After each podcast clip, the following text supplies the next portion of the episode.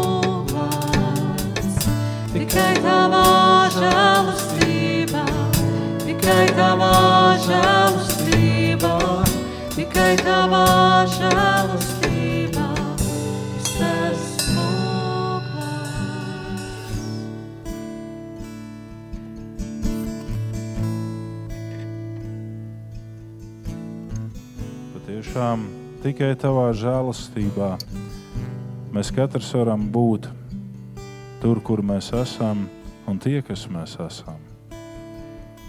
Un lūdzu, kaut tik vietā un ik brīdī mēs varam būt par liecību.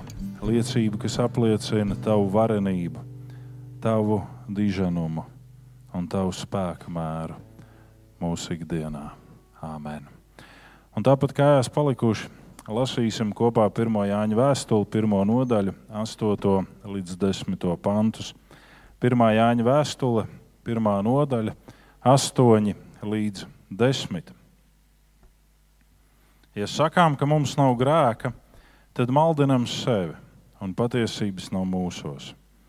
Ja atzīstamies savos grēkos, tad Viņš ir uzticams un taisns, mums piedod grēkus un šķīst mūs no visas netaisnības.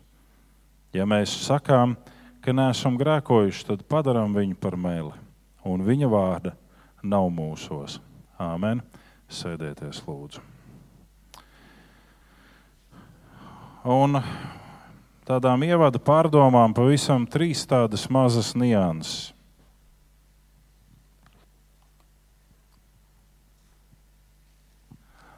Tu esi tas, ko tu saki. Ir pirmais, ko mēs varētu redzēt šajā tekstā. Ja tu caur savu teikto apliecini to, kas tu esi, ja tu saki, ka tev nav grēks, tad tu maldini pats sevi, un patiesība nav tevī, un tu padari Dievu par meli. Un ļoti bieži mūsu dzīves gājumā mums negribas pieņemt to, uzticēties tam un akceptēt to, ka mēs esam tas, ko mēs sakām. It sevišķi tad, kad kaut kādi nepamatoti dusmu uzvirdumi mums nāk pāri, un kad mēs plosamies sevī, mēs negribam to akceptēt. Tad, kad neviens mūs nedzird, un mēs kaut ko bubinām pie sevis, mēs negribam to akceptēt, ka mēs esam tas, ko mēs sakām. Otrais ir, tu esi tas, ko tu atzīsti. Un teksts mums saka, ja mēs atzīstamies savos grēkos, tad Viņš, Dievs, ir uzticams un taisns, un mums piedod grēkus, un šķīst mūs no visas netaisnības. Šodien kādu brīdi es ieskatījos Andreja Kačeva atbildē uz jautājumu, kur viņš tika jautāts, kas ir tiesāšana un kā izvairīties no tiesāšanas. Jo parasti, ja mēs skatāmies jebkuru citu grēku, tad ir kāds pretdarbības, kuras vajadzētu veikt, lai šo grēku mazinātu, ja pilnībā izskaust no savas dzīves. Un tā tad tiesāšana. Un Andrejs Kačevs atbildēja, tad, kad tu gribi tiesāt citu, tad to dari pats pie sevis, pret sevi. Un runā par to nevis, ko cits nav izdarījis, vai ko cits ir izdarījis tā vai savādāk, bet runā par to, ko tu nēsi paveicis, ko tu nēsi izdarījis, kur tu esi bijis pārkāpējis. Ļoti vienkārši mums ir runāt par citiem.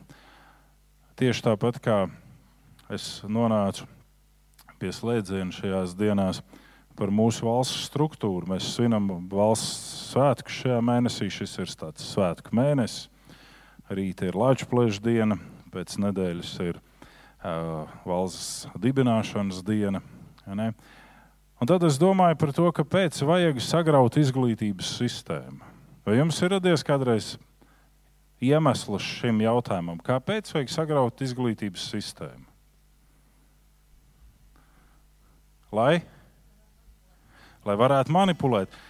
Mans slēdziens bija sekojošs, varbūt jūs varat nepiekrist tam, lai valdība izskatītos gudrāka. ja tad, kad pie sagrautās izglītības sistēmas bērni augst tādi dam, dam, tad valdība izskatīsies ļoti laba, ļoti gudra. Ne? Un es skatījos kādu interviju, kādu skarbu interviju un diskusiju, kur eh, tika teikts interesants faktors, ka lielākā daļa valdības parasti iegūst savus grādus, esot tieši valdībā. Pirms tam viņi ir ar vidējām izglītībām. Un kamēr viņi sēž saimā, tikmēr viņiem ir laiks mācīties un izglītoties. Tu esi tas, ko tu atzīsti. Tu esi tas, pie kādiem principiem tu turies. Mēs sakām, labi, tur kāds man uzrādīja, ka tas ir grēks, bet es pats nemazam neuzskatu, ka tas ir grēks, un tā tad viss ir kārtībā. Nevis ko kāds uzstā, uzskata vai uzstāda, vai ko kāds saka, bet kas ir Bībelē rakstīts. Mums ir viens, un tas ir zelta ugunskvēlē kausēts, un tas ir Dieva vārds. Mēs sakām, jā, bet tur to vārdu var lasīt gan tā, gan tā. Lūdzu Dievu, un tev tas vārds atklāsies tā, kā viņš ir paredzēts tavai ikdienai. Un nav variantu, ka mums būtu iespēja vienreiz izlasīt Bībeli, nu, vēl otrais izlasīt, un visu saprast, un viss būtu skaidrs mums, un mēs varētu Bībeli likt plauktā un mieras. Es lasu Bībeli, nu, ir brīži, kuros varbūt es izkrītu no ikdienas ritma, bet pamatā es lasu Bībeli katru dienu, un katru dienu es redzu kaut ko atkal, atklājamies jaunu. Nē. Un aizvadītajās dienās es satikos ar kādu mācītāju, kurš man teica, tu zini, es lasu Spērģenes prediķus, tātad tas ir 19. gadsimts, un ir sajūta, ka viņš runā tā, it kā šodien viņš kalpotu.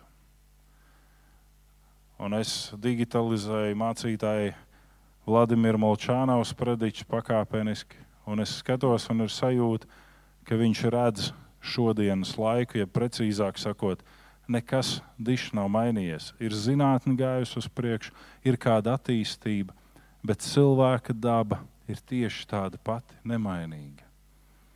Un mēs dziedājam tikai tavā žēlastībā. Es varu būt, kas es esmu, un patiesībā es gribu visu sevi nolikt tavā priekšā. Neko nepaturot sev. Neko visu uzticēt tev. Un pēdējais, kas ir tevī un kas ir tas trūkums. Ja mēs sakām, ka neesam grēkojuši, tad padarām Dievu par meli, un viņa vārda nav mūsos.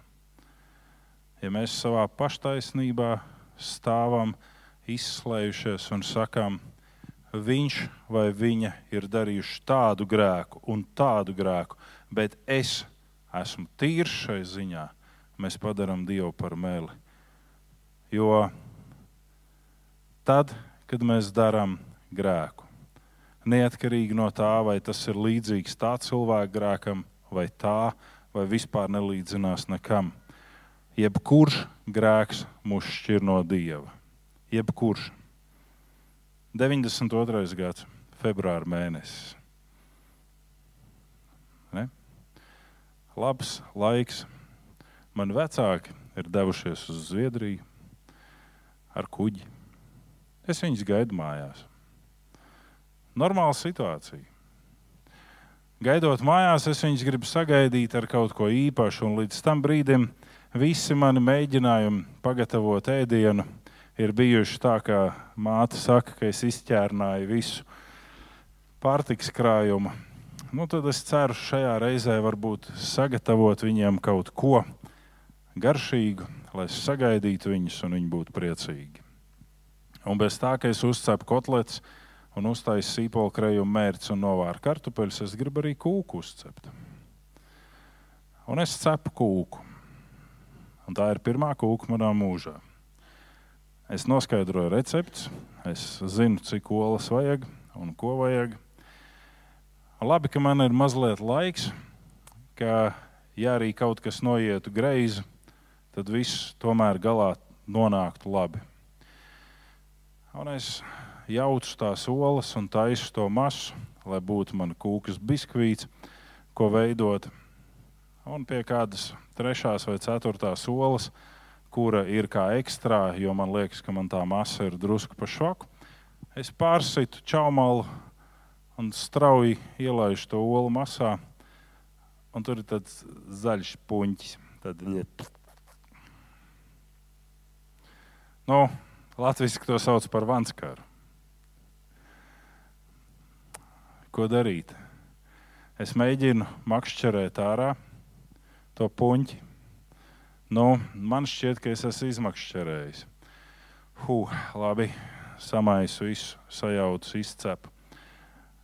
Labi, ka vecāki vēl nebija mājās, tā kūka nebija ēdama. Varbūt tās bija manas iedomas, un man ir ļoti spēcīga somātika. Es nezinu, bet man viņa nebija ēdama. Un es nemēģināju pat viņu iebarot saviem vecākiem, tāpēc es aizgāju turpat uz stūri, bija konditorei un nopirku kādas kūciņas, ko ēst. Un tas pats ir ar mūsu dzīvi un vienu grēku visā svētajā masā. Vienu paštaisnību visā svētajā masā. Vienu neiecietību pret tuvāko visā masā. Jebkura veida grēks padara šo masu miskastē izmetāmu. Mēs sakām, bet es nedaru to, nav starpība, ko tu dari. Starpība ir tam, Ja tu atzīsti, ka tu esi grēkojis, tad Dievs var tev piedot. Ja nē, tad tu tiec izolēts no viņa godības. Un šodien ir dažādi tie grēka veidi, bet praktiski nekas jau nav diži mainījies kopš senatnes. Šodien mēs runāsim par grēku un par pašizolāciju. Lai Dievs svētī, ka mēs patiesi gudru sirdi mantojam par to runājot un domājot. Mūsu Tēvs debesīs, svētīts lai top tavs vārds, lai nāk tava valstība, tavs prāts, lai notiek kā debesīs, tā arī virs zemes. Mūsu dienascho maizi dod mums šodien, un piedod mums mūsu parādus, kā arī mēs piedodam saviem parādniekiem, un neieved mūsu kārdināšanā bet atpestī mūs no ļaunā, jo tev pieder valstība, spēks un gods mūžīgi mūžos. Āmen. Mēs reizēm sakam, o, es atnāku uz baznīcu, un mācītājs runā tik sarežģīti, ka es neko nesaprotu. Vai tas tā patiešām varētu būt? Jā, ir cilvēki, kuriem ir grūtāk izteiksmes forma, ir cilvēki, kur var vieglāk, un ātrāk un raitāk izteikt savu domu.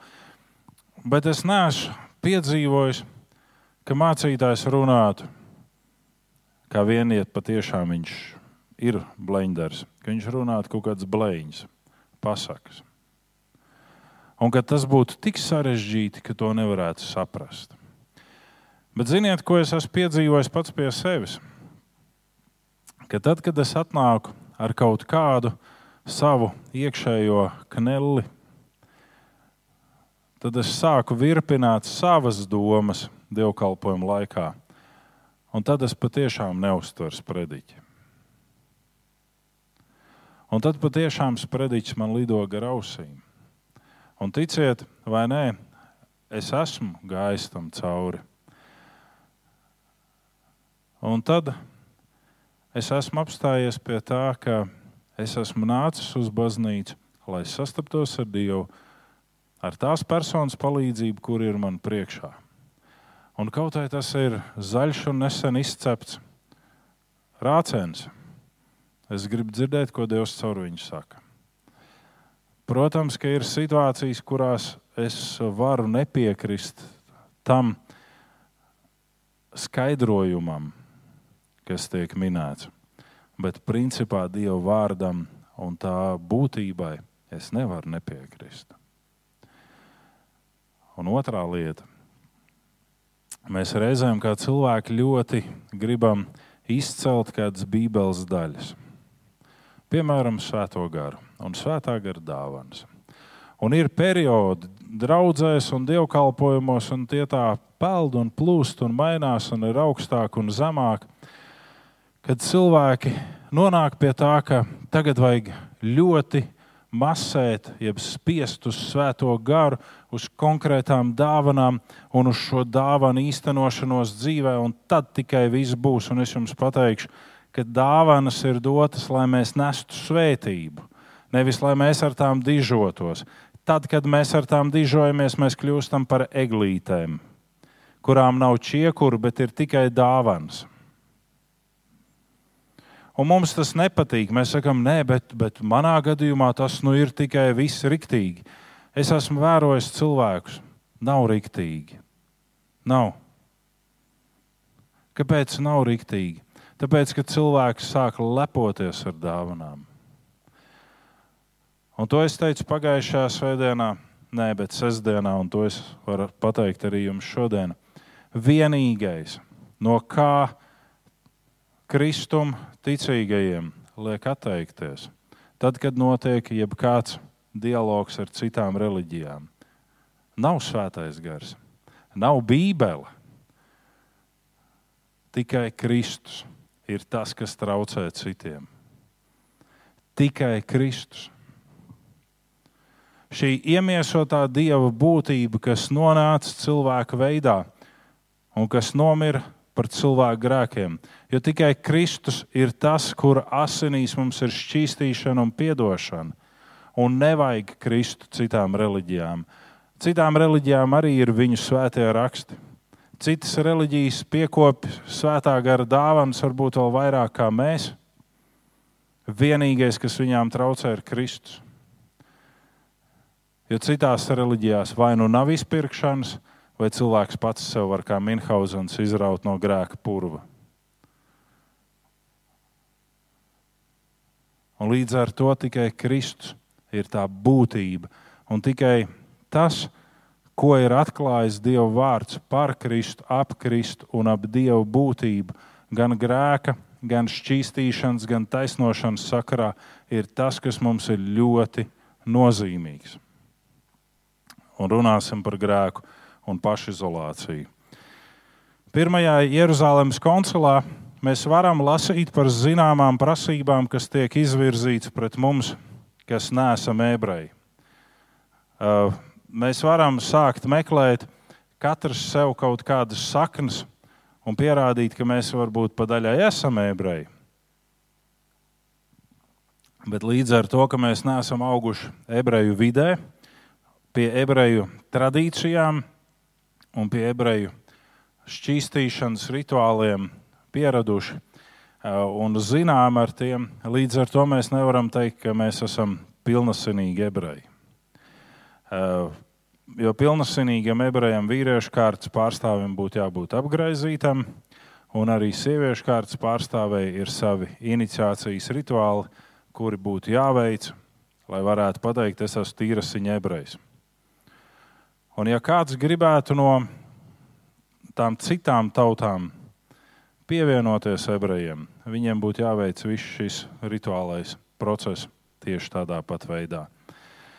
Līdz ar to mēs esam tādā saudabīgā laikmetā. Baznīcas gada pēdējais mēnesis, kas ir mūžības mēnesis, un esam saņēmuši, un vismaz lielākais vairums ir sākuši lasīt arī grāmatu Nogalināt kriptonītu. Un ir radusies nepieciešamība izprast, kas ir grēks, kāds ir grēks un kā tas tiek traktēts šodien. Mēģināsim pēc iespējas ieskatīties šajā jautājumā, taču nesolu, ka pilnīgi ātri un īsi tiksim šim cauri. Taču mēģināsim, lai ik viens no jums ir, ir ikvienam no jums ir saprotams un skaidrs šis jautājums, jo mums ir jāredz vairākas kategorijas. Ir kategorijas, kuras baznīca izvirza kā grēku, bet tas nav tas, ko Dievs izvirza. Un es jums varu minēt piemēru. Pagājušajā sestdienā es dzirdēju, mācītāja Marka Jakovļeva stāstu par to, ka viņš ir audzis ļoti konservatīvā baptistu vidē, un viņam bērnībā ir aizliegts braukāt ar velosipēdu, jo tā ir izklaide. Un līdz ar to, ka tā ir izklaide, tas ir grēks. Līdz ar to, ka tas tev ir kaut kas patīkams, tas ir grēks. Tā tad ir šādi grēka tipi, kas ir šie izklaides tipa grēki, par kuriem, protams, mēs varētu piekrist un nepiekrist. Bet tad ir grēki, kas ir minēti kā grēki Bībelē. Un tad ir trešais posms grēki. Ir grēki, kurus cilvēki grib uzlikt tev nest, bet paši tos nenes. Ne? Ir tādi vairāki posmi. Par pirmo Jeruzalemes koncilu, kas notika 1. gadsimta vidū mūsu erā, mēs varam lasīt apakstuļu darbu grāmatā 15. nodaļā no 13. līdz 21. pantiem. Apakstuļu darbi 15, 13, 21, un mēs to arī mēģināsim ātri izlasīt.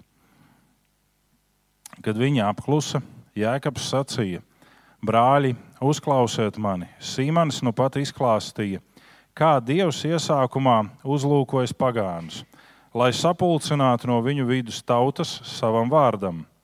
Ar to saskan praviešu vārdi, kā ir rakstīts. Pēc tam es atgriezīšos un atkal uzcelšu Dāvida sabrukušo namu. To, kas bija drupās, es atkal uzcelšu un atjaunošu lai atlikušie ļaudis dzītos pēc kunga, un ar visas, arī visas tautas, pār kurām ir piesaukts mans vārds. Tā saka kungs, darīdams to zinām no mūžības. Tādēļ es domāju, ka nevajag apgrūtināt pagānus, kas atgriežas pie dieva, bet rakstiet viņiem, lai atturās no apgānīšanās ar elkiem, no netiklības un no nožņaugtu dzīvnieku gaļas un asinīm Jo sludinātāji jau kopš senām paudzēm lasa mūzus likumu sinagogās, ik pilsētā, katrā sabatā. Āmen. Dievs svētī savu vārdu un ļauj mums to saprast tavam godam. Āmen. Šajā vietā, kad ir runa par vārdu tautas, eh, tur eh, gan grieķiski, gan ebrejiski ir vairāk vārdi, kas šādi un tad tiek lietot attiecinām uz tautām. Ja būtu runa par pagānu tautām, tad tiktu lietots goīm, bet šeit ir lietots etnos. Un skaidrojums par evaņģēlīju nonākšanu pie etnosiem ir tas pirmais, pie kā mēs apstāsimies. Un pirmais ir iemesls. Dievs uzlūkojas un vēlās glābt. Tāpēc Dieva vārds nonāk pie etnosiem. Tāpēc Dieva vārds nonāk nevis pie gojiem, kas būtu vairāk kā pagāni, jeb goji, kā latviskot tas tiek saukts, bet pie etnosiem, kas ir vienkārši dažādas tautu grupas. Un Jēkabs, kas ir kunga brālis un pirmās draudzes priekšnieks, viņš neuzlūko šīs tautas kā no dieva atkritušas, kā pagānu tautas. Bet viņš saka, tās ir tautas, tās ir dažādas etniskās grupas, pār kurām ir piesaukts Dieva vārds. Līdz ar to nevar pateikt, ka viņas ir pagāni. Viņas ir vienkārši citas etniskās grupas. Un iemesls ir, Dievs ir uzlūkojis un vēlas glābt. Otrs moments. Etnosiem nav tiesību apgrēcināt izredzēto pulku. Šis attiecās arī uz draugi. Un tas ir ļoti nozīmīgi. Tanī brīdī, kad mēs izvēlamies darīt zināmus grēkus, kurus mēs papētīsim mazliet vēlāk, mēs apgrēcinām izredzēto pulku. Netiek vairs uzcelts Dāvida nams. Mēs sakām, bet tas jau ir kaut kas tāds, ko tikai es daru. Tam nav svars. Ja tu dari to, kas ir teikts Dieva vārdā, ka to nedrīkst darīt, tu sevi attālini no Dieva, bet līdz ar to, ka tu esi saistīts ar vienu konkrētu draugu grupu, tu arī pavelc līdzi visu šo draugu grupu. Un tas ir tas, ko mēs spītīgi negribam saprast. Mēs spītīgi turamies tam pretī un sakam, nē, es darīšu, ko es gribēšu. Protams, ka tu darīsi, ko tu gribēsi, jo tev ir tava brīvā griba. Bet tad nevajag satraukties par to, ka dzīvē viss iet šķērsām, ka tu netiec uz priekšu. Kāds vīrs bija atnācis pie manas vecā tēva ciemos. Un tas vīrs, pirms viņš bija atnācis ciemos pie manas vecā tēva, un pirms viņš paprasījās nakšņot manam vecam tēvam, bija nedaudz pa daudz ielietojis alkoholiskās vielas. Un kā tāds viņš nevarēja rādīties mājās sievai. Tāpēc viņš atnāca pie manas vecā tēva. Vecais tēvs viņam ierādīja mazu salmu snatenīti, kur viņš varētu gulēt. Bet jūs zināt, ka tad, kad lieto dažādas šķidras vielas, un it īpaši tās, kas pavairo un pātrina asinsriti, tad gribās ļoti bieži uz toleti. Un mans vecais tēvs pamožās naktas vidū un dzird tādu bum, bum, bum, bum. Viņš nevar saprast, kas ir noticis. Viņš skatās, ka salmas natanīts tukšs nav neviens, neguļ tur. Viņš iet meklēt, kur tas ciemiņš ir palicis. Un izrādās, ka ciemiņš ir sajaucis toleti ar vannas istabu, iekāpis vannā, nokārtojies un vairs netiek ārā. Jo tas reibums ir tik liels, ka nevar saprast, kā es nevaru tikt ārā no tās toaletes. Un viņš visu laiku ar kāju atsitās pret vannas malu un būkšķina to vannu. Ne? Un tas ir arī mūsu ikdienas gājumā ar to mūsu brīvo gribu un ar tām mūsu lietām, kuras mēs sakām, tas ir tikai manas.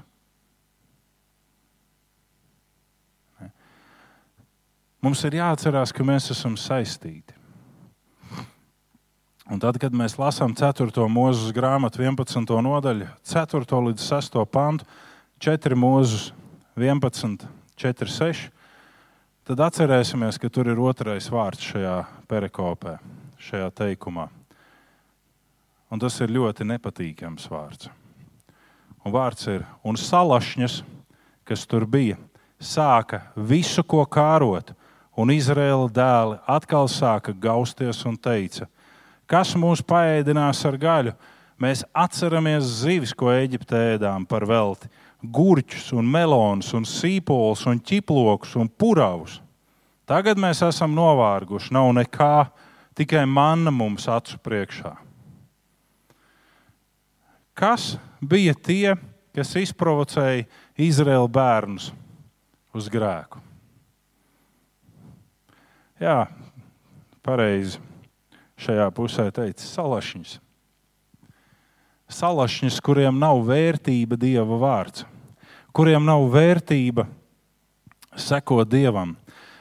Ja mēs skatāmies, kas ir šie salašņus, otrajā mūža grāmatā mēs varam lasīt, jo arī to es jums esmu stāstījis, ka no astoņiem miljoniem ebreju, kas bija Eģiptē, izgāja tikai apmēram 2,5 miljoni. Pārējie palika Eģiptē. Viņiem Eģipte bija dārgāka. Netiesājami, bet tā tas ir. Viņi negribēja mainīties. Bet līdz ar šo 2,5 miljonu ebreju pulku izgāja tie no svešām tautām, kas gribēja līdzināties ebrejiem. Piemēram, viens no spiegiem, ko Mozus iesūtīja apsolītajā zemē, bija Kāleps. Viņš bija melnādainais. Ebreji nemēdz būt melnādaini. Mūžas sieva, priesteri Jetras meita, Cipora, bija melnādainā. Ebreji nemēdz būt melnādainie. Vēlāk Ārons un Mirjama ceļ Ciporas dēļ ienaidu pret mūzu, un Dievs viņus soda. Un tad, lai Cipora mainītu savu pieeju lietām, viņa ņem ak akmens nāzi un abus divus savus dēlus apgraiza. Tas ir diezgan sāpīgi, jo viņi nav mazi puikas vairs. Bet, lai kā tur arī būtu, ir vesels pulks salašņu, kas iznāk no Ēģiptes. Un iznākot no Ēģiptes, viņi sāk kurnēt.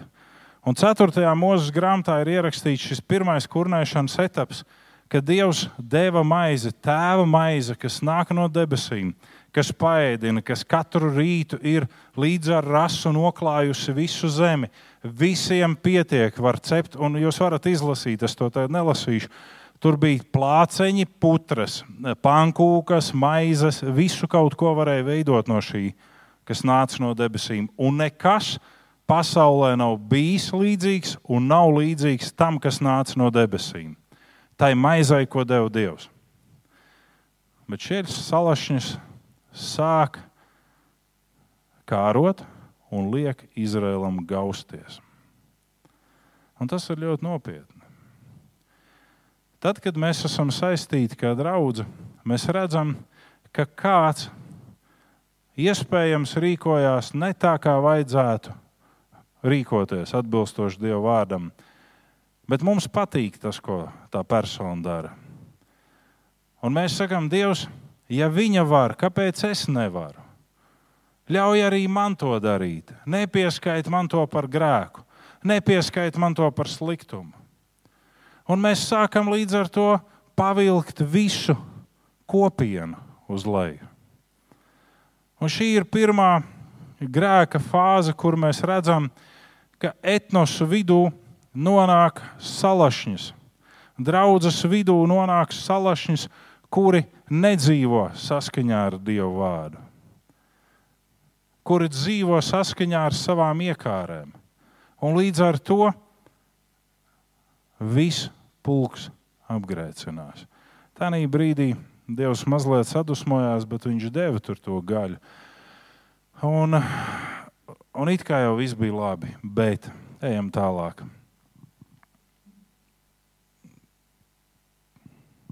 Kas tas mums pat roksni? Kaut kas labi.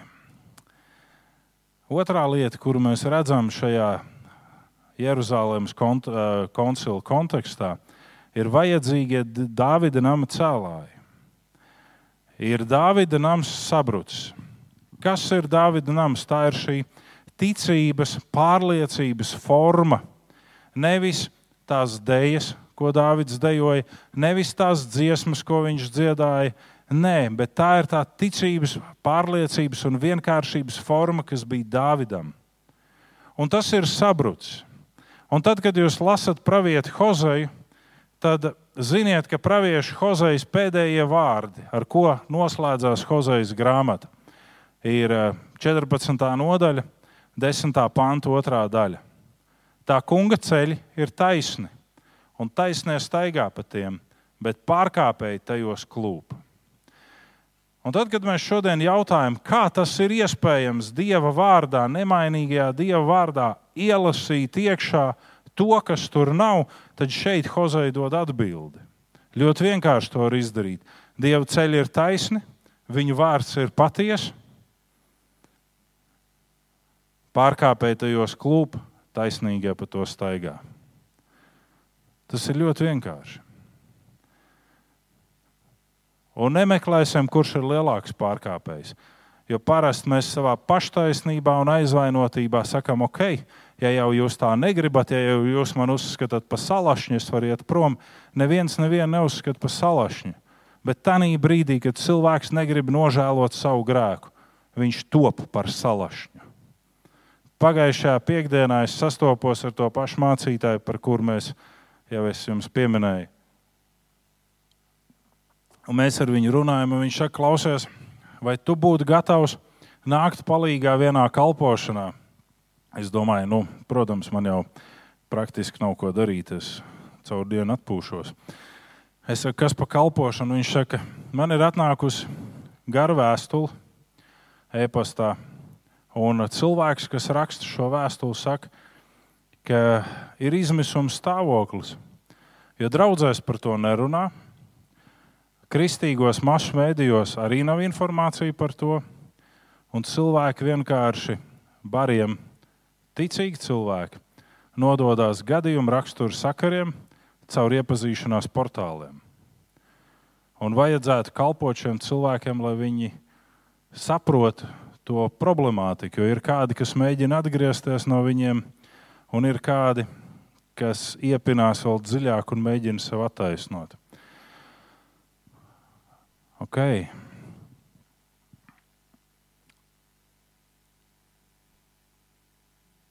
Kā Dievs skatās uz to?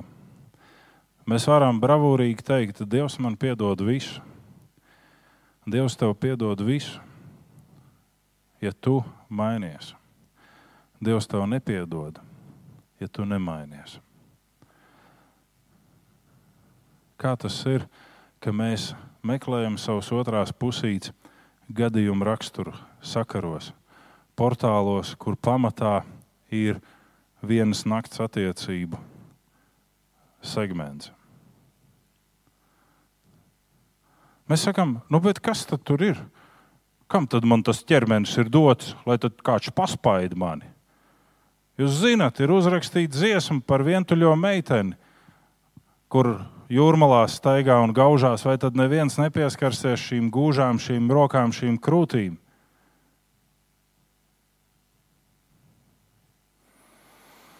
Tas tāds sarežģīts jautājums, un atbilde ir ļoti vienkārša. Ja Dievs ir paredzējis, tad īstais īstajai garām neaizies, un portāli tur nepalīdzēs. Nepalīdzēs. Un principi, kad tiek pārkāpti, nebūs svētība. Lai kā mums gribētu redzēties, ka būs apustulis Pāvils 1. korintiešu 7. saka, kā tu sievas zini, ka tu izglābsi savu neticīgo vīru, jeb kā tu vīrs zini. Un ir neskaitāmi šie piemēri, ka līdz laulībām abi divi dujo uz baznīcu, un pēc laulībām tā puse, kas ir bijusi neticīga pirms laulībām, kļūst tāda pati neticīga un vairs nevajag nedūjot uz baznīcu, neko citu. Un tad pakāpeniski arī tā otra persona tiek attālināta. Un tad sākās šis salašņu sindroms. Ir vajadzīgi Dāvida nama cēlāji, cēlāji, kuri turās pie principiem, cēlāji, kuri apliecina, ja Dievs to būs paredzējis, tad man tas būs. Un ja nebūs, nebūs. Bet tādēļ pielūgt svešus dievus, un šī ir svešu dievu pielūgsme, jebkura no tām formām, ko mēs esam minējuši. Jebkurā brīdī, kad es pārstāju uzticēties Dievam un sāku pats risināt šīs lietas, es kļūstu par elku pielūdzēju. Patīk tas vai nepatīk. Dievs ir uzticējis zinām atbildību zināmiem ļaudīm draudzē. Mateja evaņģēlijas 13. nodaļa, 30. 33. pants. Un ne tikai draudzē, bet visai draudzē ir uzticēta zināma atbildība. Un tur lūk ir šis interesantais līdzības moments. Vēl citu līdzību Jēzus tiem stāstīja. Debesu valstība ir līdzīga raugam, ko sieviete ņēma un iejauca trīs mēros miltu, līdz visa mīkla uzrūga. Kādu laiku atpakaļ, tad, kad es vēl apciemoju Kristīgo radio, par šo rakstu bija runa. Pārējie brāļi mēģināja man kušināt un teikt, nē, nē, nē tas ir viss baigi labi, lai rauks ir un lai sarūkst visa mīkla. Un es teicu, nē, jo apustulis Pāvils raugam pieliek mīnuszīmi. Un apustulis Pāvils saka, ka no draudzes vidus ir jāizmēž vecais rauks ārā. Un līdz ar to mēs nevaram šo līdzību uzskatīt par pozitīvu līdzību. Šī līdzība ir kā brīdinājums, un Jēzus saka, ka būs brīdis, kad iejauks draudzē raugu. Un raugs ir, un mēs par to varam lasīt 1. korintiešu vēstulē, 5. nodaļā, 6. līdz 8. panti. Mūsu lielība nav laba. Vai nezināt, ka nedaudz raugu saraudzē visu mīklu? Izmēziet veco raugu, lai jūs būtu jauna mīkla, kāda jūs arī esat bez rauga. Mūsu paskas jērs Kristus taču ir par mums upurēts, tā kā svētkus, lai svinam nevis ar veco augu, ļaunumu un samaitātības augu, bet ar skaidrības un patiesības neraudzēto maizi. Un apustulis Pāvils šeit skaidri pasaka, ka augs ir visa šī netikumība un samaitātība. Patīk mums tas vai nē? Rauks ir tas, ko mēs mēģinām piekabināt draudzēji klāt un teikt, bet Dievs taču ir žēlastība, Viņš taču visus pieņem. Savādāk debesis būtu tukšas. Nebūs debesis tukšas. Jo Jeruzalemes koncils saka, lai atlikušie dzītos pēc kunga un tautas, pār kurām ir piesaukts kunga vārds. Lai Izraēla atlikušie dzītos pēc kunga, un lai tautas dzītos pēc kunga, pār kurām ir piesaukts kunga vārds. Un mēs esam šajā tautu sarakstā, mēs arī kā draugi esam šajā tautu sarakstā, lai mēs dzītos pēc tā kunga. Un dzīties tas nozīmē visu lieko atstāt malā. Šī dzīšanās ļoti bieži Bībelē tiek salīdzināta ar skriešanu stadionā. Un tajā laikā, kad tiek rakstīta jaunā derība, stadionā sacensības notiek starp kailiem vīriešiem. Viņiem nebija apenīts. Nebija. Skrēja pa kailo. Un tāpēc ļoti daudz judaismu pieņēmušie helēņi veica pretēju operāciju. Lai pieņemtu judaismu, vajadzēja apgaizīties, lai varētu skriet stadionā, vajadzēja ataudzēt atpakaļ visu apgaizīto. Un tā bija daudz sāpīgāka operācija nekā tā iepriekšējā. Jo tad, kad tu kails skrien, redz, tu esi, ah, tu taču esi žīts. Ko, ko tu te dari? Mums ir tāds foršs helēņu sacensības, ko tu te dari? Dāvids slavenajā statujā arī ir bez vīģes lapas. Kāpēc? Tāpēc, ka tā tas notika tajā laikā. Šodien mēs esam izdomājuši dažādus labus tērpus, kas ļoti labi pieguļ mums, lai nosaktu to, ko mēs negribam nevienam atrādīt. Paldies Dievam! Bet tās senās sacensības parāda visprecīzāko formu dzīšanās pēc dieva. Viss paliek malā. Dieva vārds saka, to, ko jūs lietojat, lietojiet tā, it kā to jūs nelietotu. Ja precīzāk šis vārds latviešu skan, neļaujiet savai sirdī piesieties tam, ko jūs lietojat. Neļaujiet savai sirdī piesieties. Neļaujiet sev pārņemt to, ah, tā mašīna, tās drēbes, tā dzīves telpa Atļaujiet sev lietot visu to, ko Dievs grib, lai jūs lietojat. Un atļaujiet Dievam būt tam, kurš pasniedz jums to. Es nemācu jūs uz slinkumu. Ejiet uz darbu, strādājiet, nākat mājās, lietojiet to, ko jūs esat nopelnījuši, bet lietojiet gudru un ar saprātu. Tad, kad Dievs dod jums attiecības, lietojiet šīs attiecības gudri un ar saprātu. Un, ja nāk attiecībās situācija, kad jūs esat ticīgi, un tas, kurš vēlētos attiecības ar jums, jeb jūs vēlētos ar viņu, nav ticīgs, tad uzticat to visu Dievam. Nevis sākat attiecības un sabojājat savu dzīvi un tam cilvēkam dzīvi. Ļaujiet, lai Dievs risina šo visu situāciju. Un ja šis cilvēks ir gatavs piedzīvot Dievu un patiesi izmainīties, tad mēs varam ko runāt tālāk. Ja nē, tad mēs paliekam tā kā Ulmans teica, katrs savā vietā. Jūs savējā, es savējā. Visi. Un mēs varam saukt piemērus no pagātnes, kur cilvēki ir jukuši prātā tādēļ, ka viņiem nav bijušas attiecības. Un tādēļ, ka viņi nav šo savu hormonālo pusi uzticējuši dievam. Un mēs varam saukt piemērus no pagātnes, kur cilvēkiem nav bijušas attiecības.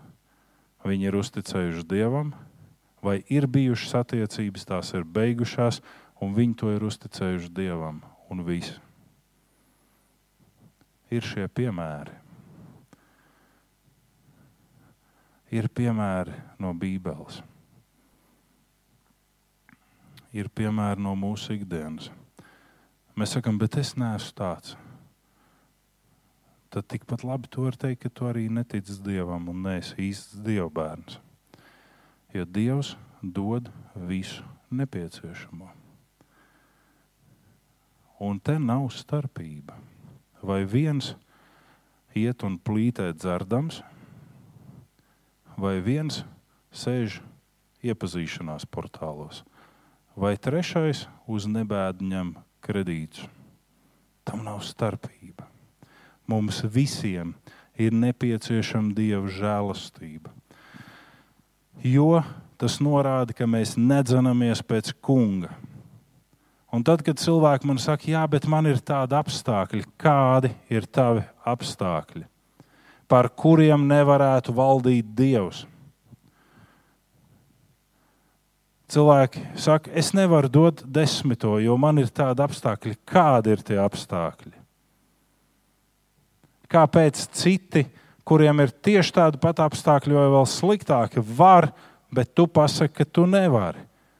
Un Dieva vārds skaidri norāda, kas seko tam, ja tu vari dot šo desmito. Tam sekos svētība. Un kas seko tam, ja tu nevari dot, jeb ja tu izdomā, ka tu nevari dot? Kas seko tam?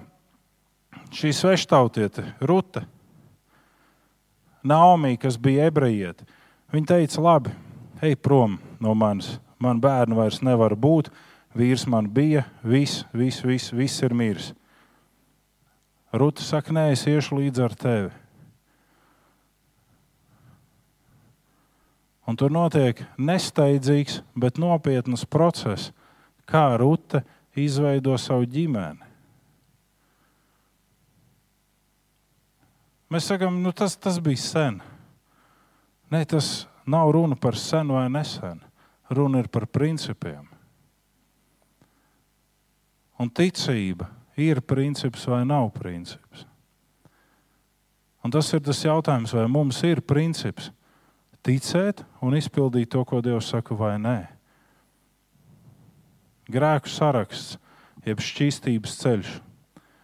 Četras grēku formas pirmais koncils nosauca - apgānīšanās ar elkiem, kas sevī ietver. Es skatījos oriģinālu vārdu skaidrojumus, un tos es arī jums nolasīšu. Novārtīšanās, notašķīšanās, piesārņošanās un polūcijas, kas ir elki. Tēls, priekšmets un tam līdzīgas lietas, kam cilvēks ziedo un ko pielūdz. Attēls, līdzība, neatkarīgi no objekta formas, kas ir reāli vai iedomāta, izmantojot aizgājušo nokrāsas, parādījumus, skatienus, prāta fenomenus, fantomus un tā tālāk. Pagānu dievi, viltus dieva attēli, jebkas, kas aizstājās priekšā dievam, ir elka dievs. Apgānīšanās ar elkiem. Tā kā starp mums nav pārāk daudz jaunu zēnu. Tad es par to nerunāšu tik ļoti detalizēti. Bet kādreiz padomājiet par to, kā jūs uzturat zēnu sevi šķīstus. Jo apgānīšanās ar elkiem pēc oriģināla teksta skaidrojuma sevi ietver arī polūcijas. Slapie sapņi.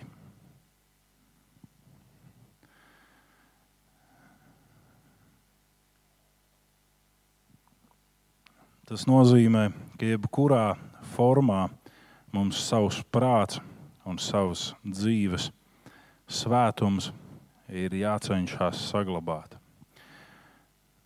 Ir bijuši brīži, kuros es esmu ļoti pavirši personīgi piegājis svētumam un šķīstībai, un esmu nācis caur daudz dvēseliskām ciešanām pie atziņas ka nav jēga niekoties. Vai nu tic, vai nu netic.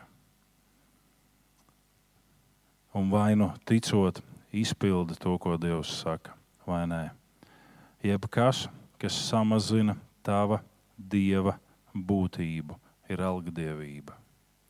Un līdz ar to tu apgānies ar elkiem, kas sevi ietver šo novārtīšanos, notašķīšanos un piesārņojumu. Ne tikai ārēji, bet arī iekšēji notiek piesārņojums. Otrā lieta. Netiklība. Un netiklība šajā vietā tiek minēta ar vārdu un apzīmēta ar porneja. Ir divi netiklības formējumi. Ir hetos un porneja. Hetos parasti tiek lietots grieķu kultūrā un arī jaunās derības laikā uz sievieti, kura negrib izslaucīt savu māju vai staigā netīrās drēbēs, izspūrusi ar vārnu līgstu uz galvas un tā tālāk. Es nerunāju par to patmalnieci, bet nu, varbūt arī par viņu. tā ir hetos. Apzīmēts šis vārds netikle, jeb nav tikusi. Un porneja, jeb pornos, ir apzīmēts vārds prostitūcijai un visam šim kas nevis tikai par naudu tiek dots, bet kas tiek dots ļoti vieglos seksuālos sakaros. Tā ir netiklība, un šeit tiek lietots vārds porneja. Un mans novēlējums ir, lūdzu, pārbaudiet mājās un skatieties, kā šis vārds skaidrojās. Un vai šajā tekstā apakstuļu darbos ir minēts šis vārds vai nē, un nonākat paši pie savas atziņas, ka tas vārds tur atrodas. Oriģināla manuskriptā ir runa par porneja.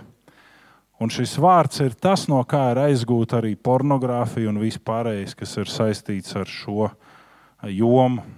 Un tas skaidrojās kā nelikumīga laulības pārkāpšana, dzimuma akta laikā, netiklība, homoseksualitāte, lesbisms, dzimuma akts ar dzīvniekiem, dzimuma akts ar tuviem radiniekiem, tātad incests Trešā mūzes grāmata, 18. nodaļa, jums sniedz paskaidrojumu šajā. Nereglamentēti dzimuma akti, jebkur ar jebko un dažādu iekāru vadīti. Arī par naudu, metafiziski, elku pielūgšanas, elku pielūgšana, kas rodas ēdot elkiem piedāvātos upurus. Tā tad ir divi skaidrojumi. Ir fiziskais un metafiziskais. Un metafiziskais saka, ja tu nododies ar apziņu ka šie rīsi ir ziedoti Krišnam, un tu saki, bet rīsi paliek rīsi. Kāda problēma? Nu, man švakar naudiņa aiziešu, pastāvēšu rindā, uzvilkšu švakāku apģērbu, tur mazliet uzmetīšu kupri ar savu spainīti, pastāvēšu, dabūšu rīsus pa brīvu.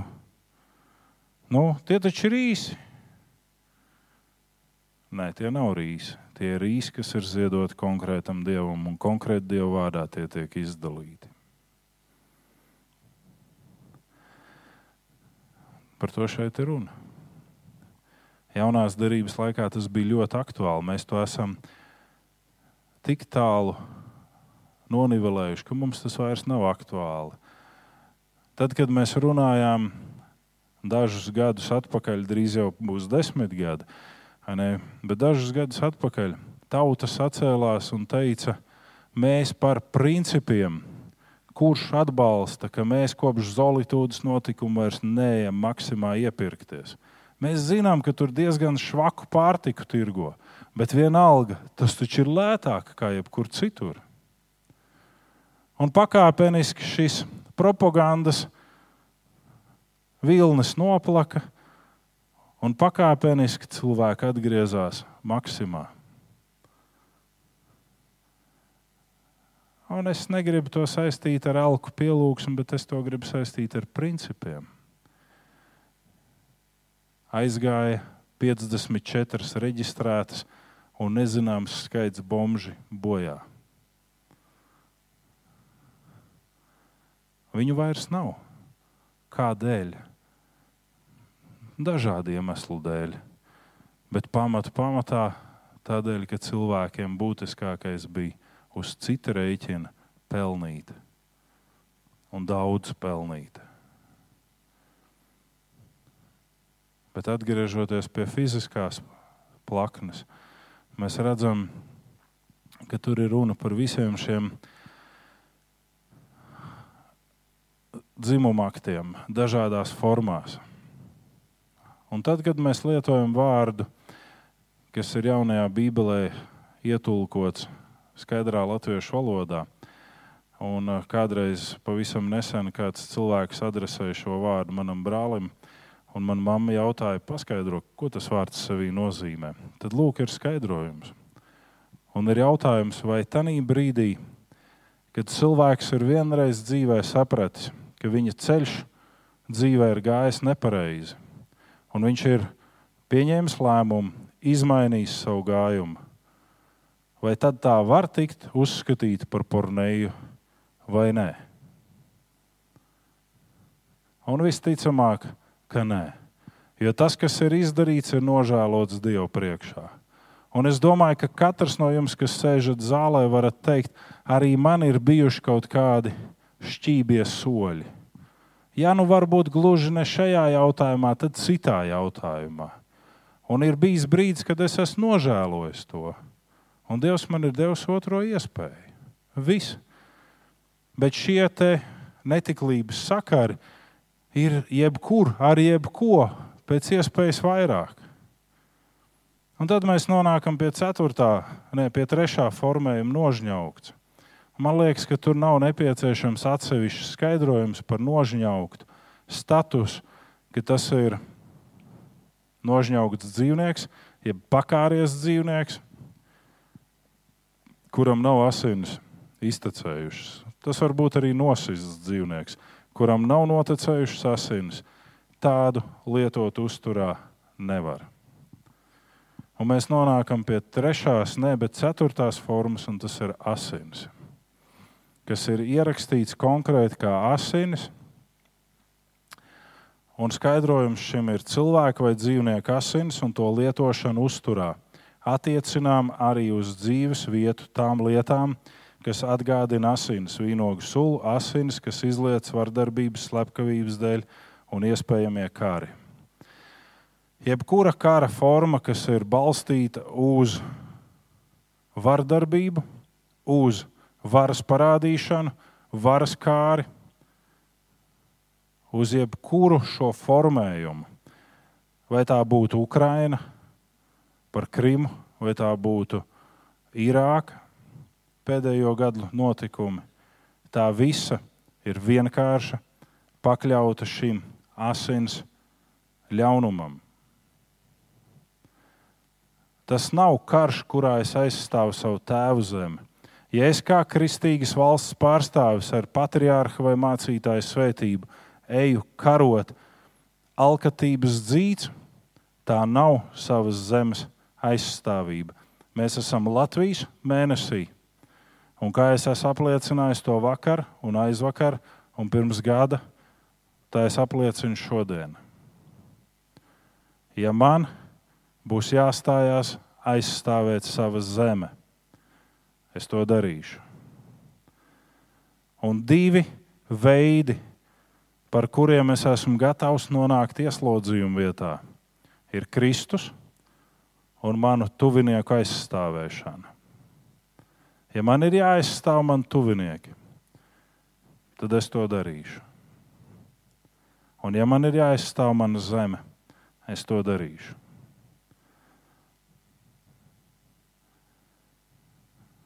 Un tas ir nopietns, principiāls jautājums, pie kura mums ir jānonāk katram. Es neskriešu uzbrukumā, es nešaušu pirmais, lai izprovocētu karu. Bet, ja man ir jāaizstāv mana zeme, Dievs ir uzticējis šo zemes pleķi 64,2 tūkstoši km2. Man, tev, mums. Un tad, kad mēs skatāmies uz brīvības cīņām pagājušā gadsimta sākuma posmā, tad mēs varam zināt pēc vēstures datiem un pēc faktiem, arhi, arhīva datiem, ka par Latviju karoja sveštautieši, kas dzīvoja Latvijā, ieskaitot ebrejus, un par Latviju karoja no Krievijas armijas padomi, jau armijas dezertējušie karavīri un bērni. Un kopā ar šīm brīvības cīņām bija arī Pirmais pasaules karš, kas Latvijai maksāja 1,2 miljonu dzīvību. Pēc datiem tiek teikts, puse aizgāja šajā karu jūklī. Pirmais karš bija aizstāvēt caru un carisko Krieviju, kuras teritorijā bija Latvija. Un tad nāca nākamais posms - aizstāvēt Ļeņinu. Un latvieši padevās šim, jo cara solījumi nebija īstenojušies tā, kā gribētu. Lai gan viņi bija īstenojušies, bet nepilnīgi. Un tad aizstāvēsim Ļeņinu. Un beigu beigās, kad latvieši tiek nošauti no čekistiem vienkārši tādēļ, ka viņi nav izpildījuši Ļeņina pavēles, tad nāca nākamais vilnis. Nu, tad cīnīsimies paši par savu zemi. Bet tad bija atlikuši dezertieri, sveštautieši un bērni, kas karoja par Latviju. Šodien cilvēki savus principus ir pārdevuši un devušies prom no Latvijas. Bet ko vajadzēja darīt? ir tāda lieta kā revolūcija.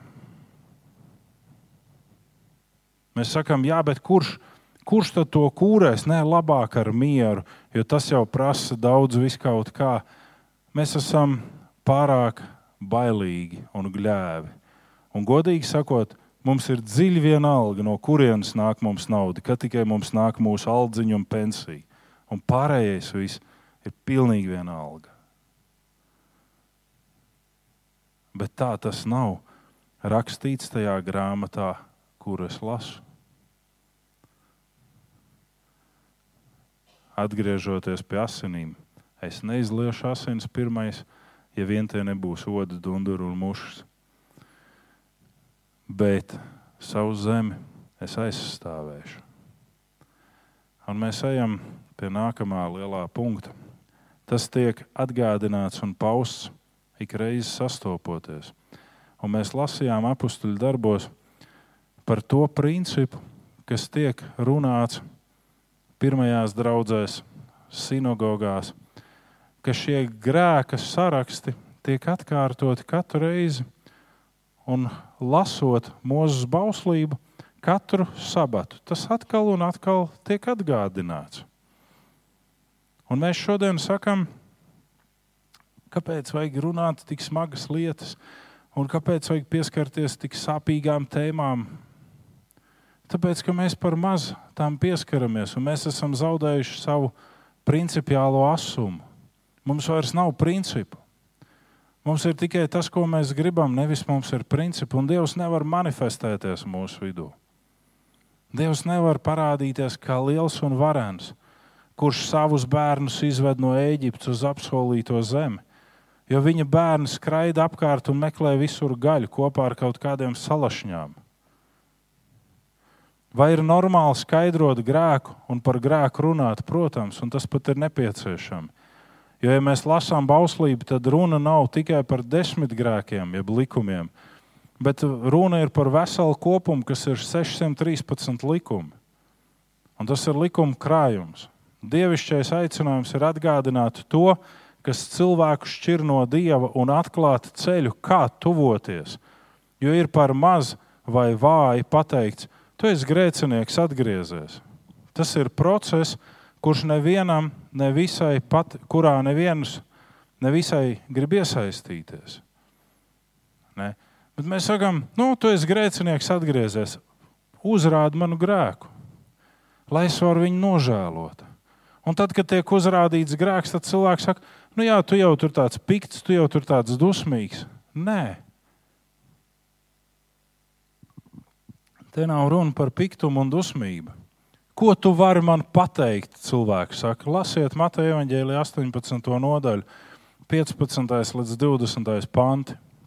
Un tur ir teikts ļoti skaidri, ja tavs brālis pret tevi grēko, tad ej un uzrādi viņa vainu, kad esat divatā. Ja viņš tev klausa, tu savu brāli atgūsi. Ja viņš tev neklausa, tad ņem līdzi vēl vienu vai divus, lai no divu vai trīs liecinieku mutes katrs vārds tiek apstiprināts. Ja viņš tos neklausa, tad saka to draudzēji. Un ja viņš neklausa draugu, tad uzskata viņu par pagānu un muitinieku. Es jums saku patiesi, ko vien jūs ir zemes siesiet, tas būs siets arī debesīs, Un ko vien jūs virs zemes atraisīsiet, tas būs atraisīts arī debesīs. Un vēl es jums saku, ja divi no jums virs zemes vienprātīgi kaut ko lūgs, tad mans debesu tēvs viņiem to piešķirs. Jo kur divi vai trīs ir sapulcējušies manā vārdā, tur arī es esmu viņu vidū. Un es esmu dzirdējis šīs raksturvietas interesantu pārkāpumu. Mēs nevaram izraut pēdējo lasīto pantu, 20. no konteksta un pateikt, divi vai trīs, ja mēs te esam 30, tad jau te ir Jēzus pārpilnība. Tur ir konkrēta situācija, kur ir runa, ja tavs brālis grēko, ej un runā. Viņš neklausa, ņem vēl vienu, divus, trīs līdzi, saki draudzēji, un tad kopā lūdziet par visu šo situāciju. Un ja viņš tev klausa, tad viņa grēka nožēla, lai tiek publiski pieņemta un kopīgi atlaiž šis grēku daudzums. Par to te ir runa. Divi vai trīs lūgs tēvam, mēs tēvs lūdzam, lai šī persona neaiziet pazušanā. Tas notiks. Kāpēc? Tāpēc, ka mums vajag draudzēji vēl vienu cilvēku? Nē, tāpēc, ka mēs negribam, ka šī persona, ar kuru mēs esam kopā ceļojuši, piesita tevi, ja es vēlreiz krustā. Mums ir dārgs tavs nopelns. Mēs gribam, lai šī persona to glābtu. Okay. Par to šeit ir runa. Un tad, kad mēs sanākam kopā, mēs reizēm sakam, ko mēs varētu lūgt. Ir lūkšana vakars, ko mēs lūgsim. Jums nav cilvēki, par kuriem lūgt, jums nav radi, draugi, kaimiņi, paziņas, par kuru glābšanu ir nepieciešams lūgt.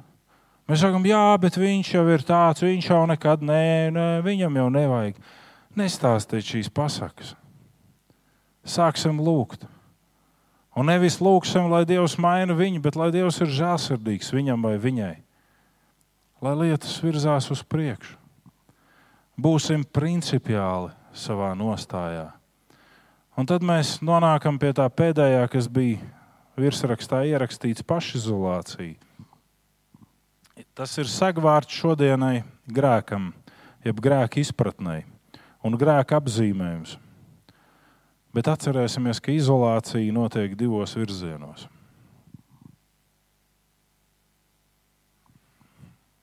Tad, kad es rakstīju bakalaura darbu un mēģināju to aizstāvēt, un aizstāvēju, tad man teica, nav forši, ka tu tik daudz lieto vārdu grēks. Es saku, labi, bet ko tad lai es lietoju? Pašizolācija. Tas ir pareizāks izteiksmes līdzeklis. Labi. Uh, manu darba vadītāju un vispārējo labad es ieliku šo vārdu pašizolācija, un tad es sāku skatīt šo vārdu. Vienā situācijā tas tiek attiecināts uz cilvēku, kurš dara grēku. Un darot grēku, viņš veic pašizolāciju no svēto, jeb laimīgo kopības. Ne tikai šeit virs zemes, bet arī mūžībā. Tātad vienā gadījumā tas ir, to var attiecināt uz grēku. Cilvēks sevi ar savu rīcību, ar savu izvēli norobežo no svēto kopības. Kāpēc? Tāpēc, ka ir brīdis, kurā tas cilvēks krīt grēkā, Un viņš neatzīst to, ka viņam ir jātop šķīstītam no šī grēka. Viņš saka, vienkārši es nevaru nekā savādāk darīt. Man ir jādara tikai tā. Un es nevaru. Es nevaru negrēkot. Man ir jāgrēko. Kāpēc tev ir jāgrēko? Kāpēc tu nevari mainīties?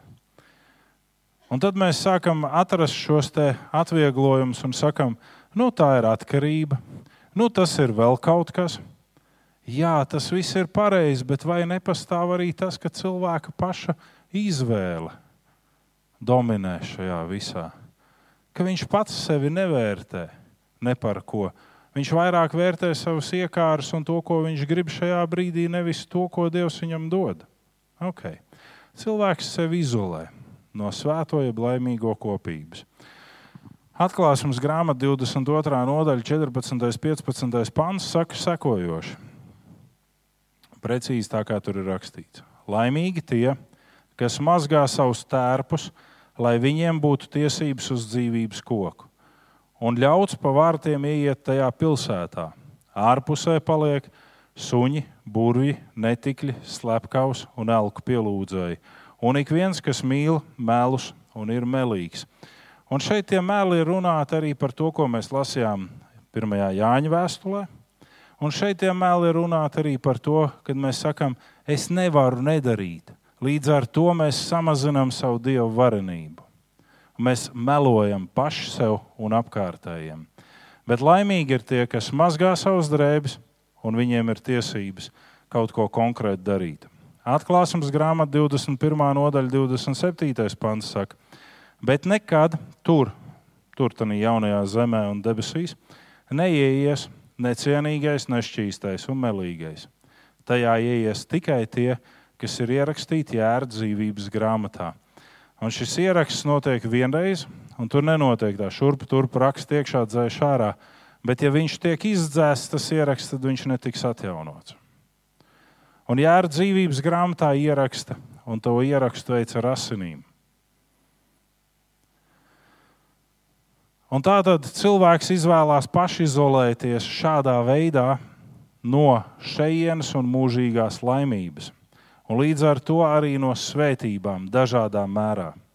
Savukārt otrs veids šai pašizolācijai ir tas, ko izmanto liberāla teoloģija. Novēršanās un apspiešana personai, kas vēlas dzīvot šķīstu dzīvi un dzēnas pēc tā kunga. Un tas ir Es aizēju uz draugu, man tur pasaka, tu dari grēku, tā nedari. Iešu uz citu draugu, jo tur man nesaka, ka es daru grēku. Un es turpināšu dzīvot, un es teikšu, redzi, cik man ir labi. Paskaties, kā tie tur tajā manā iepriekšējā draudzē nīkuļo. Kā viņiem tur neiet. Vai tad? Vai visu mēs varam izmērīt tā, ar acīm redzami? Zēns aiznes pulksteni uz divām vietām, kur viņam solīja 5 līdz 10 eiro. Kāpēc? Tāpēc, ka tās nebija vietas, kur vērtēt šo pulksteni. Un tad viņš šo pulksteni aiznes uz vietu, kur patiešām zina šī pulksteņa vērtību. Tā vietā, kur tev pasaka, nesagrozīt evaņģēlīju, vērtē tavu mūžīgo dzīvību. Un tā vietā, kaut arī sāpīgi reizēm un nepatīkami un gribās pretīm runāt, bet tur domā par to, kur tu nonāksi. Bet liberāla teoloģija pasaka, viss ir kārtībā, Dievs visiem piedod, Dievs ir mūžīgi, milzīga žēlastība. Dari, kā gribi. Galvenais ir, ka tu atzīsti Jēzu Kristu. Drīz arī varēs neatzīt viņu. Galvenais, lai tu labi izskaties. Un Un Mateja evaņģēlijas 5. nodaļa, 8 līdz 12. pēdējais pārbaudījums jūs dzirdējāt nogurušajai. Laimīgi sirds šķīstie, jo viņi Dievu redzēs. Laimīgi miera nesēji, jo viņi tiks saukti par Dievu bērniem. Laimīgi taisnības dēļ vajātie, jo viņiem pieder Dievu debesu valstība. Laimīgi jūs esat, ja jūs manis dēļ lamā un vajā un runā visu ļaunu par jums priecājieties un gavilējiet. Jūsu alga ir liela debesīs. Tāpat tie vajāja arī praviešus, kas bija pirms jums. Mēs izlasījām šeit skaidru šo laimīgo sarakstu. Pagājušajā svētdienā mēs runājam par grēka klēpi un par piedzimšanu. Un mēs nonākam pie šīs atkal un atkal. Ja tu esi piedzimis, tad tie, kas ir grēka klēpī, nesapratīs tevi. Viņi nedzirdēs tevi, viņi sagrozīs tavu runu, viņi apsmies tevi. Un viņi teiks, redz, tu tur tirinies ārā trīci, a mums ir silti iekšā, mums ēdienas nāk pa nabas saiti, mums viss ir kārtībā. Bet ko saka Dievs? Atklāsums trešajā nodaļā. Viņš saka, ja tu būsi remdens, tāds pusticīgais, es tevi abortēšu es tevi izmetīšu ārā. Pusticīgais nozīmē arī to, ka tu nevērtē to vietu, kur Dievs tev ir devis. Ka tev vienmēr ir tūkstots un pieci argumenti, kāpēc nebūt kopā ar brāļiem un māsām.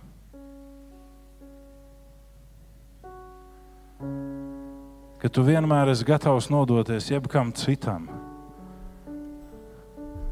Un es esmu teicis jums, vienīgais, ko cilvēki labi var darīt aizmuguriski, ir lūgt Dievu viens par otru. Pārējais viss nav labi. Lūdzam Dievu viens par otru. Laimīgi jūs esat, ja jūs manas dēļ lamā un vajā. Mēs sakām, bet es negribu tās ciešanas, es negribu tās sāpes tad tu arī nevēlies pašu Dievu. Nē, Dievu es vēlos, bet es negribu visu to pārējo. Bet ir brīdis, par kuru ir teikts skaidri un gaiši Dieva vārdā. Viņi jūs lamās, viņi jūs apsmies. Tāpēc, ka jūs uzturat saikni ar Dievu. Priekš jums Kristus ir nozīme, priekš viņiem nē. Priekš jums ir vērtība Bībelē, priekš viņiem nē. Ne jau tikai par fizisko brālis, brālis Jēzus teica, ka brālis brāli nodos. Tēvs bērnus, māte bērnus, bet arī par garīgajiem. Tiks nodoti tie apsmieklam un tiesai, kuri vēlās dzīvot šķīstu dzīvi un izpildīt to, kas ir Bībelē rakstīts. Kuri nevēlas pa vieglo pieiet Bībelē, tie tiks vajāti. Un Jēzus teica, ja jūsu kungs tiek vajāts, tad arī jūs tiksiet vajāti, apsmieti, pazemoti. Kāpēc? Lai rūdītu mūs, lai stiprinātu mūsu principus un mūsu ticību Ķīnā, kādā dievkalpojumā, kas notiek pagrīdē, ienāca komunistiskās varas pārstāvi un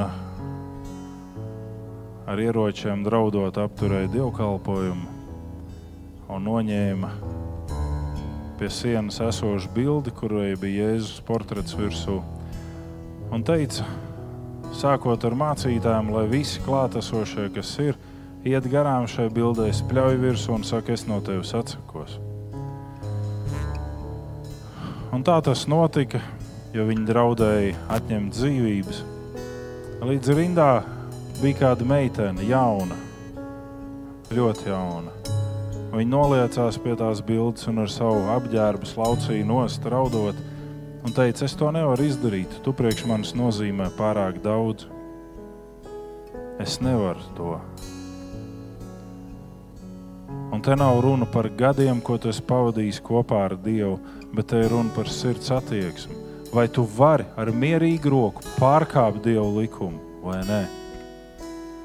Un tad šie paši komunisti nošāva visus tos, kas bija jau rindas tanī pusē veikuši spļaušanu un atteikšanos, un teica, ja viņi nebija uzticīgi Jēzum, viņi nebūs uzticīgi mums. Cilvēki, kuri nav Kristum ticīgi, zina, ka vienīgais, ko viņi drīkst no tevis atņemt, un tad tev sagrūs viss, ir Kristus. Un to viņi arī mēģina panākt, lai tu atsakies no Kristus vienalga, vai tu esi jaunietis, vai tu esi sirmgalvs. Lai tev vairs nav principi dzīvot Dievu godam un izpildīt viņa likumu. Lai Dievs svētī mūs ikvienu šajā mūsu pirmajā ciklā, kurš nākamā svētdiena tiks pārtraukts ar valsts svētkiem.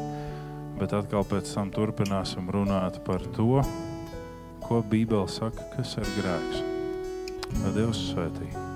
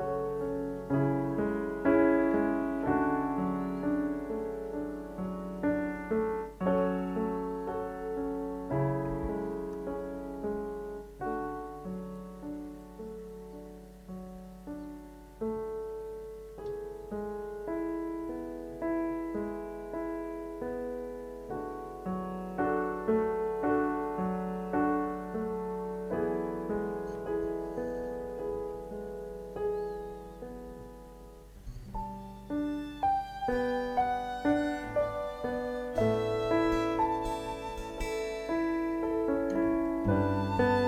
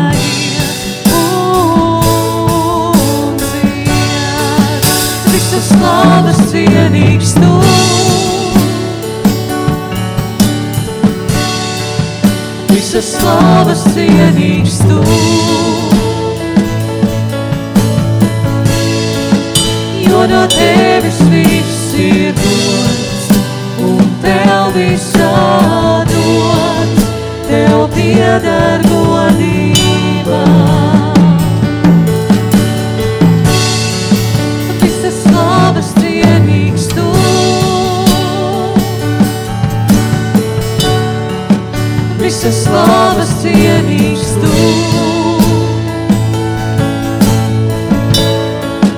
Jo no tevis viss ir dots, un tev visā dots, tev piedā.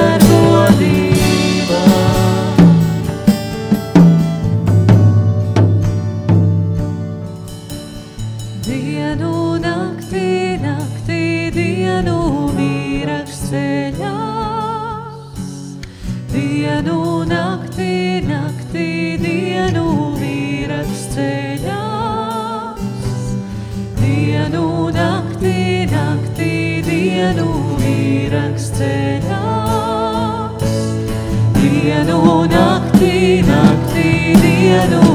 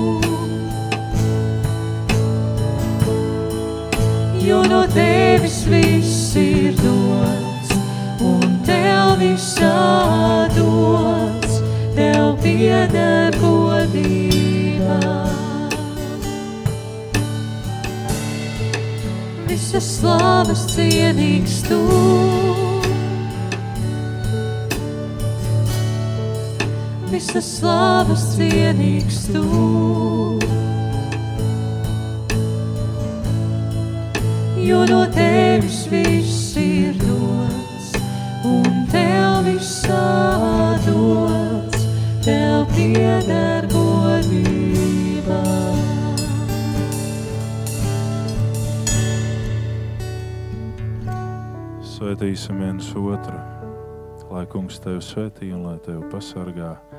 Lai kungs apgaismo savu vaigu pār tevi un lai ir tev žēlīgs. Lai kungs uzlūko tevi ar lapatiku un lai dod tev savu mieru. Āmen. Āmen. Izejot savā ikdienā, akceptēsim to, ka viņš ir visas slavas cienīgs. Lai Dievs jūs svētītu!